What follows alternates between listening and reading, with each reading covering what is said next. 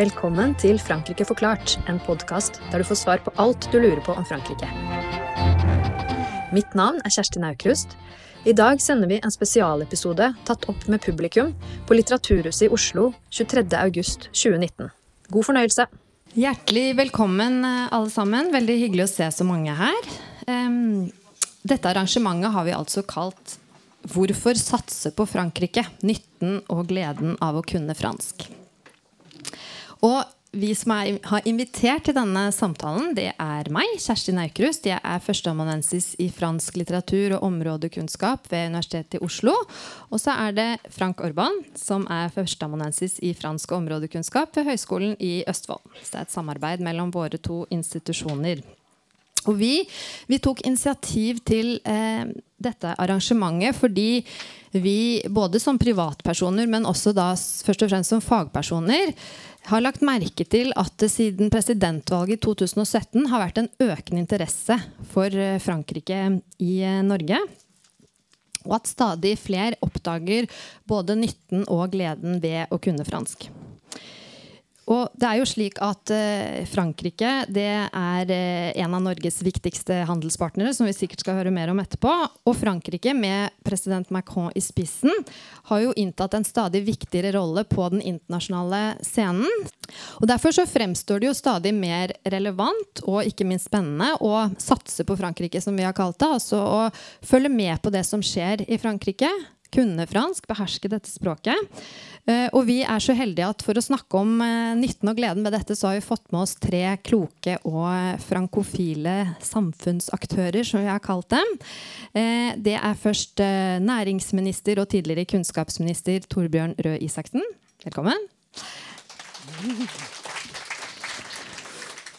Så er det utenriksjournalist eh, i NRK, programleder i Urix, Hege Mo Eriksen. Velkommen til deg òg.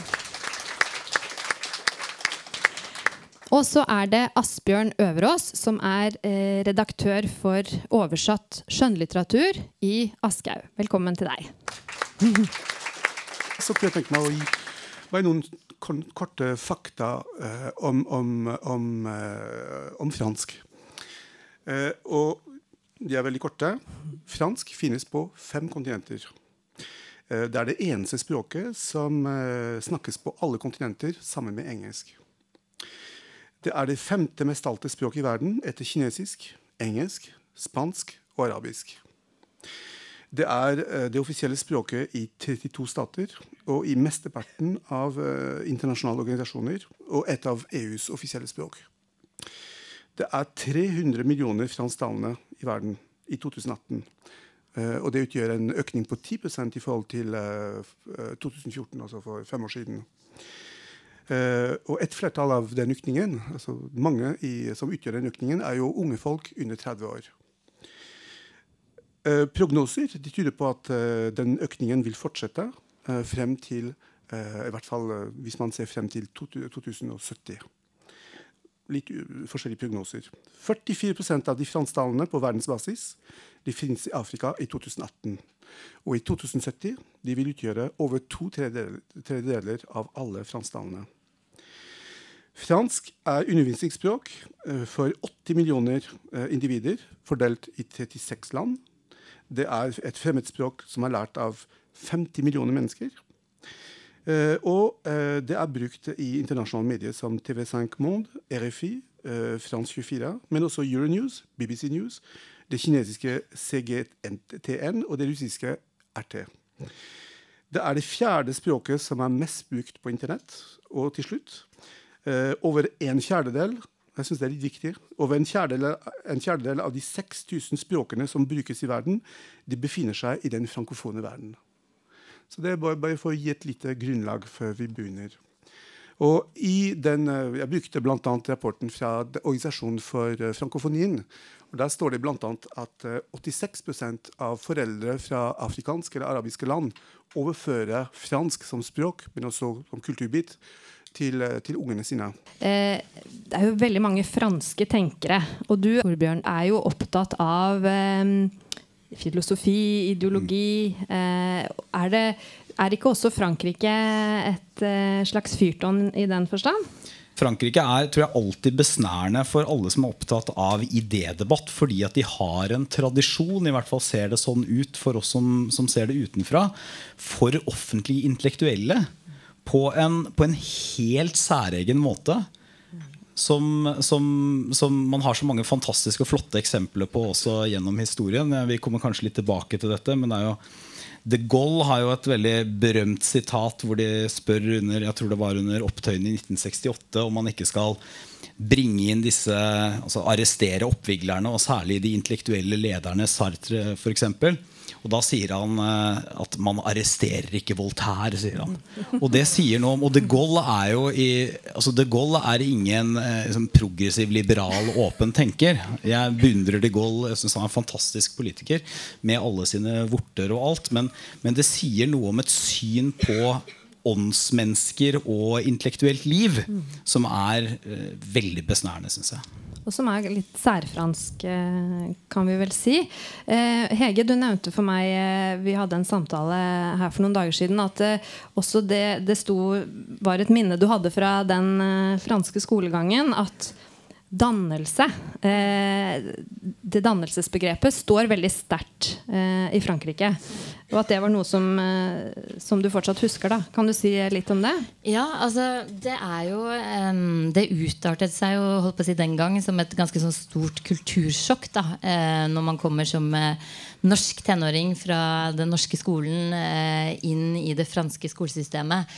er jo en, egentlig en ganske sånn sjokkartet opplevelse, kan man si. Um, hvor på mange måter så kan det jo kanskje første øyekast framstå nesten litt sånn gammeldags. altså de bruker ikke bøker. Eh, læreren står gjerne på litt sånn opphøyd platå eh, og er virkelig en autoritet. Eh, og franske elever tar da etter beste evne notater og har intrikate systemer for hvordan de skal klare å ta notater fort nok. Så man lærer seg å skrive med tegn og forkortelser. Eh, og disse notatene blir på en måte pensumet ditt. Um, og jeg må si at uh, jeg har litt sånn ambivalent forhold til det franske skolesystemet. Jeg håper ikke jeg tråkker noen på tærne, men, men det er på en måte Eh, fantastisk. Eh, nettopp med tanke på allmenndannelsen og det å sette kunnskap i høysetet. Verdien av å kunne ting.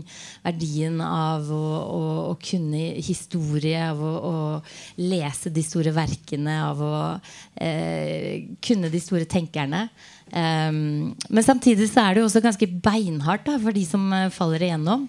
Eh, I vår klasse så var det f.eks. sånn at eh, alle prøvene ble lest opp, alle karakterene ble lest opp høyt. Da, da var det alltid to litt sånn eh, spede, stakkarslige to tvillingsøstre som alltid så så stakkarslige ut. Og de var alltid de dårligste i klassen. Og karakterene deres ble alltid lest opp først. Hvorpå det var den samme prosedyren hver eneste gang. Det var det at det, Først så brøt de sammen og begynte å gråte. Og så sa læreren til venninna deres, Camille, eller noe sånt Kan ikke du ta så følge dem ned på sykestua? Eh, jo, det kunne hun gjøre. Og så forsvant de ut av klasserommet, ned på sykestua, og ble jo da borte og fikk ikke med seg resten av timen. Så det var jo liksom Og det skjedde jo hele tiden. Um, sånn at man merket jo på en måte da hvordan liksom, det franske skolesystemet hvert fall sånn som jeg opplevde da, dyrker jo vinnerne. Mm. Eh, men de dyrker også litt eh, taperne. på en måte da. det, er, det, er, lett å kanskje falle igjennom. Mm. Men, eh, men, det er vanvittig fascinerende å, å, å komme inn i en, et skolesystem og en kultur som er så rik, og hvor de da verdsetter dette med allmenndannelsen. Mm. Ikke sant? Der er det på en måte ikke snakk om at Eh, den personlige utviklingen til elever skal liksom dyrkes fram gjennom eh, aktiv deltakelse i, i timen og sånn. Men der er det bare snakk om å på en måte kunne ting. Da. Den er jo, ja.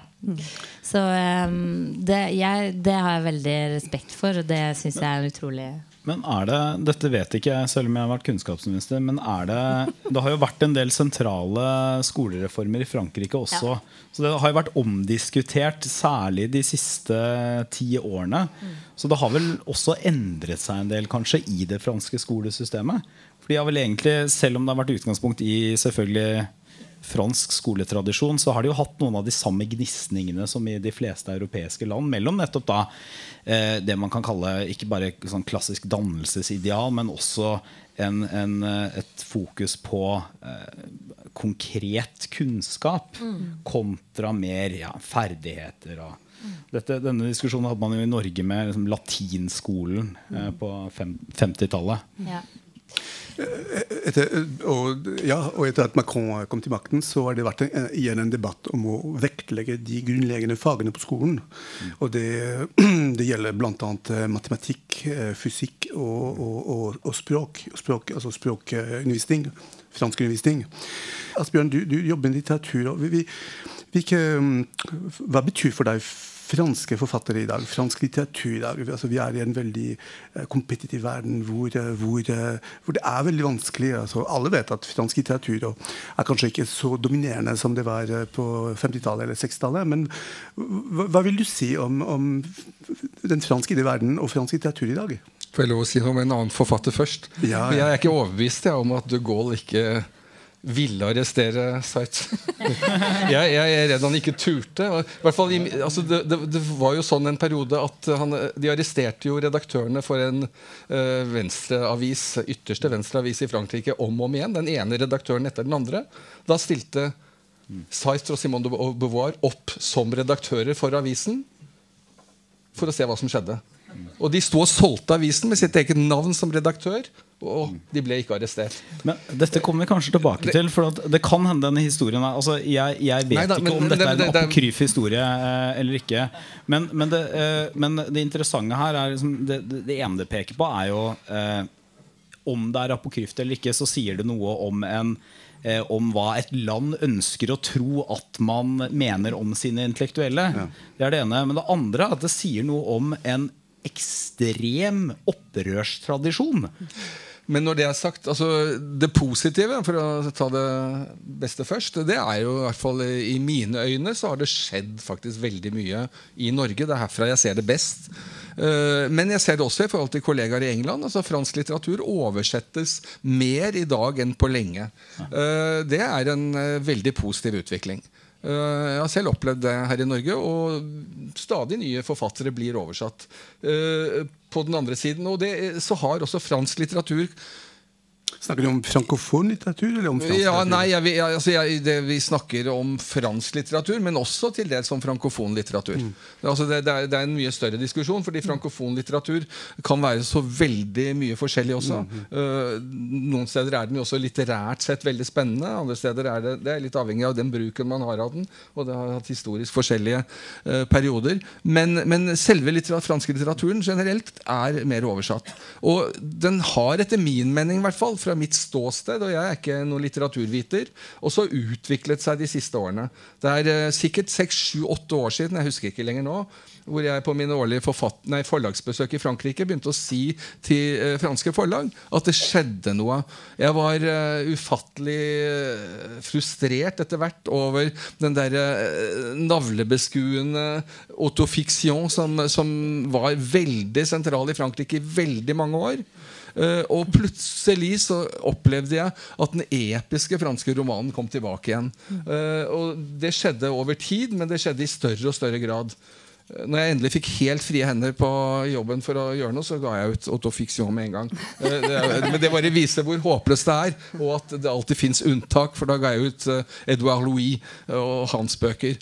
Og seinere også Eribon. Så jeg mener, det, men det, det fins unntak hele veien.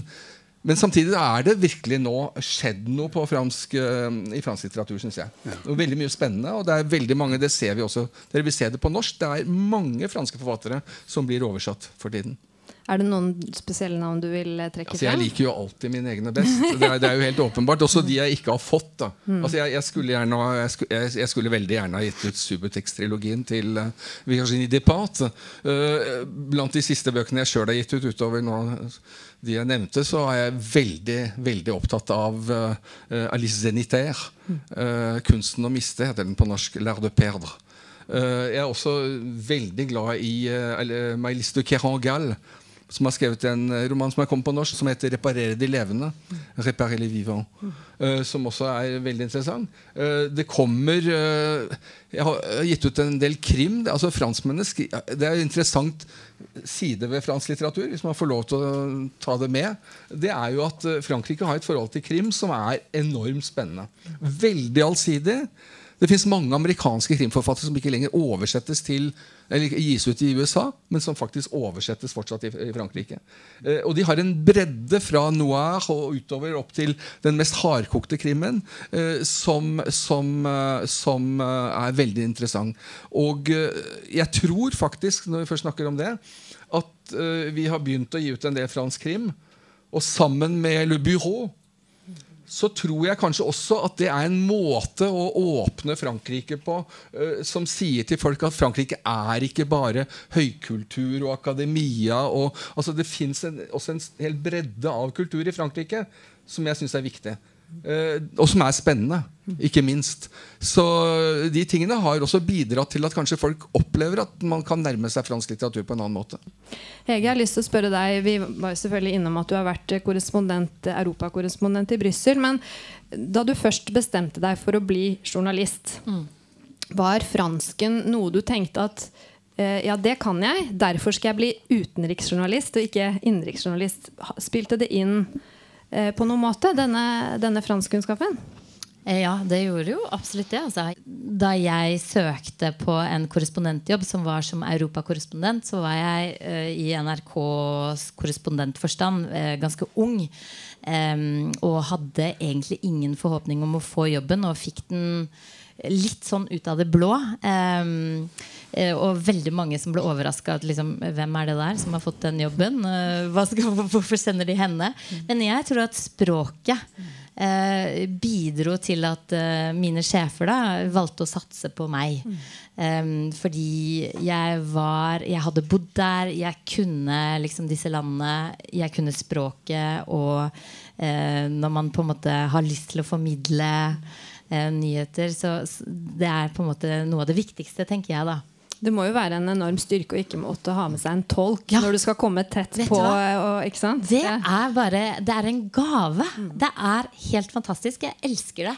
Å være ute på gata og snakke med folk, liksom. Jeg, altså, fordi at eh, jeg har så mange kolleger som tipper de må booke tolk. Og så han kommer om tre timer. Da skal jeg liksom snakke en time med noen jeg treffer på gata. Og så er det en sånn eh, omstendelig jobb etterpå å oversette alt i tillegg.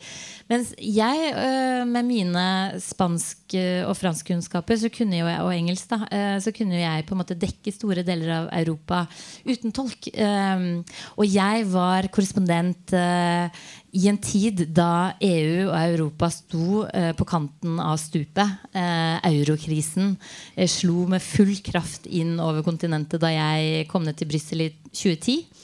Ehm, og, og det kokte.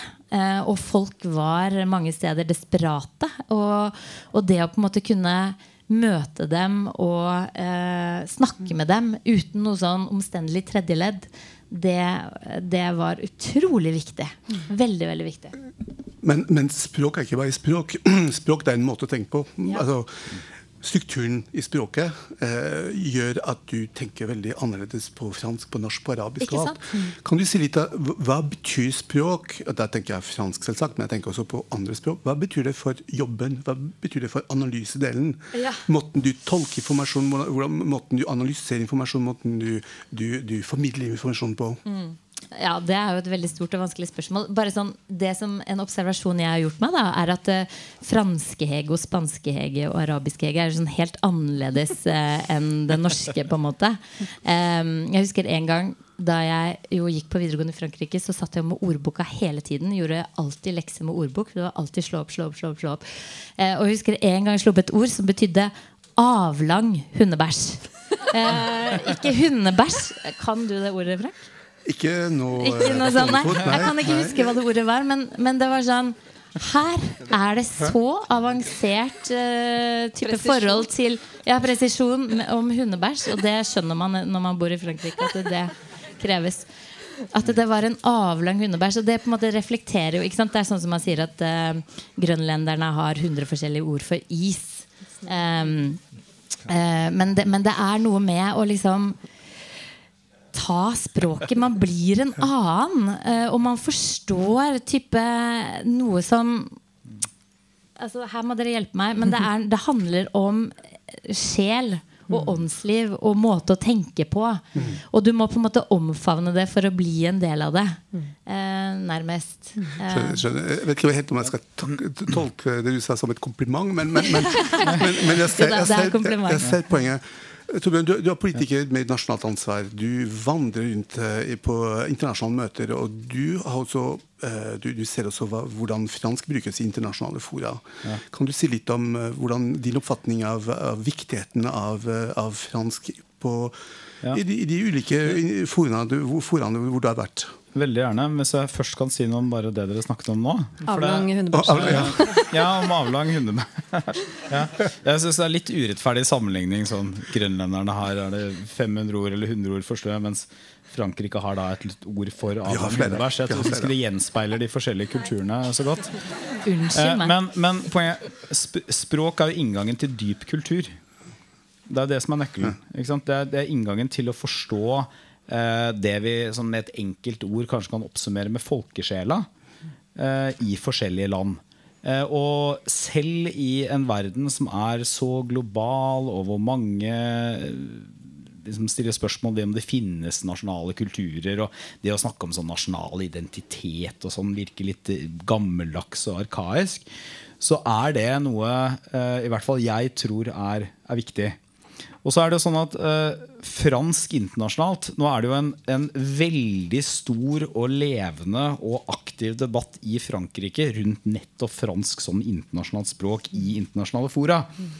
Og min erfaring eh, er nok at i de største internasjonale foraene, sånn OECD f.eks., så har det vært en utvikling fra at man insisterer på å holde sine innlegg på fransk, til at man sier noen innledningsfraser på fransk, og så bytter til engelsk. Men det betyr ikke, ikke? Og det, det, det er en stor feil å tro at hvis du bare kan engelsk, så kan du, så kan du alt, på en måte. Eh, fordi det er selvfølgelig Engelsk er, eh, er vel det nærmeste vi kommer et, et, et, Det er det språket flest forstår eh, og snakker. Men hvis du skal eh, både forstå et land, kommunisere med forskjellige typer mennesker, ikke minst dykke litt dypere ned i et land Og da er det ikke, trenger det ikke bare være kultur eller politikk eller samfunnssystem. Det kan like godt være at du skal drive handel med landet. Så er det å skjønne språket helt avgjørende. Og det er faktisk en av mine kjepphester som akkurat i denne sammenhengen, som da tidligere kunnskapsminister og nå næringsminister, også veldig mange i norsk privat næringsliv snakker om, så er det behovet for språkkompetanse. For det, og det gjelder i og for seg også altså Mange i Norge tror de snakker engelsk, men de gjør det egentlig ikke når det kommer til stykket.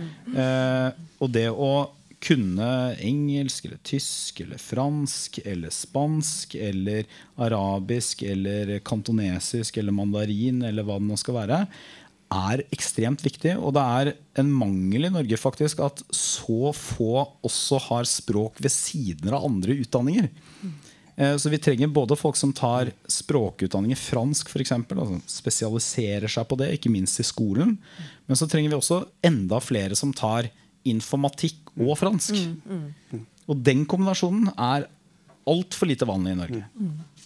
Torbjørn, som næringsminister, kan du si litt om uh, forholdet mellom Norge og Frankrike? Altså Frankrike som, uh, som uh, handelspartner. Er det, er det et, et viktig handels...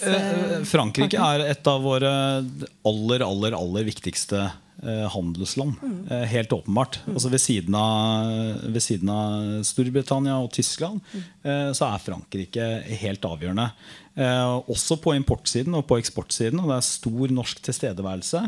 Eh, Og jeg tror nok at norsk privat næringsliv har nok, har nok på en måte levd litt på at mange har hatt fransk. Så dermed så har de også hatt tilgang til, eh, til folk med fransk kompetanse. Men det, er, det, det, forutsetter jo at fortsatt videregående skoleelever, og i og for seg også på universitetene, velger å ta fransk. Uh, og, og, en av mine kjepphester igjen, det, nå har jeg sagt det en gang før, men det er at uh, man kan selvfølgelig ha en litt sånn klossete samtale på, på engelsk eh, og business English og sånn, men for å komme inn og få en tilstedeværelse og skjønne et land, og også skjønne et marked, så er det å kunne språket helt avgjørende, tror jeg. Mm. mm. Dette var første del av en liveinnspilt podkast fra Litteraturhuset i Oslo. I neste episode skal vi høre våre gjester fortsette samtalen om Frankrike, og vi skal bl.a. innom fransk politikk. Denne podkasten er et samarbeid mellom Universitetet i Oslo og Høgskolen i Østfold. Abonner på Frankrike forklart på iTunes, Spotify eller på andre plattformer der du lytter til podkast. Har du kommentarer til oss eller forslag til temaer vi bør ta opp, kan du sende inn det via vår Facebook-side Frankrike forklart. Her vil du også finne informasjon om dagens episode.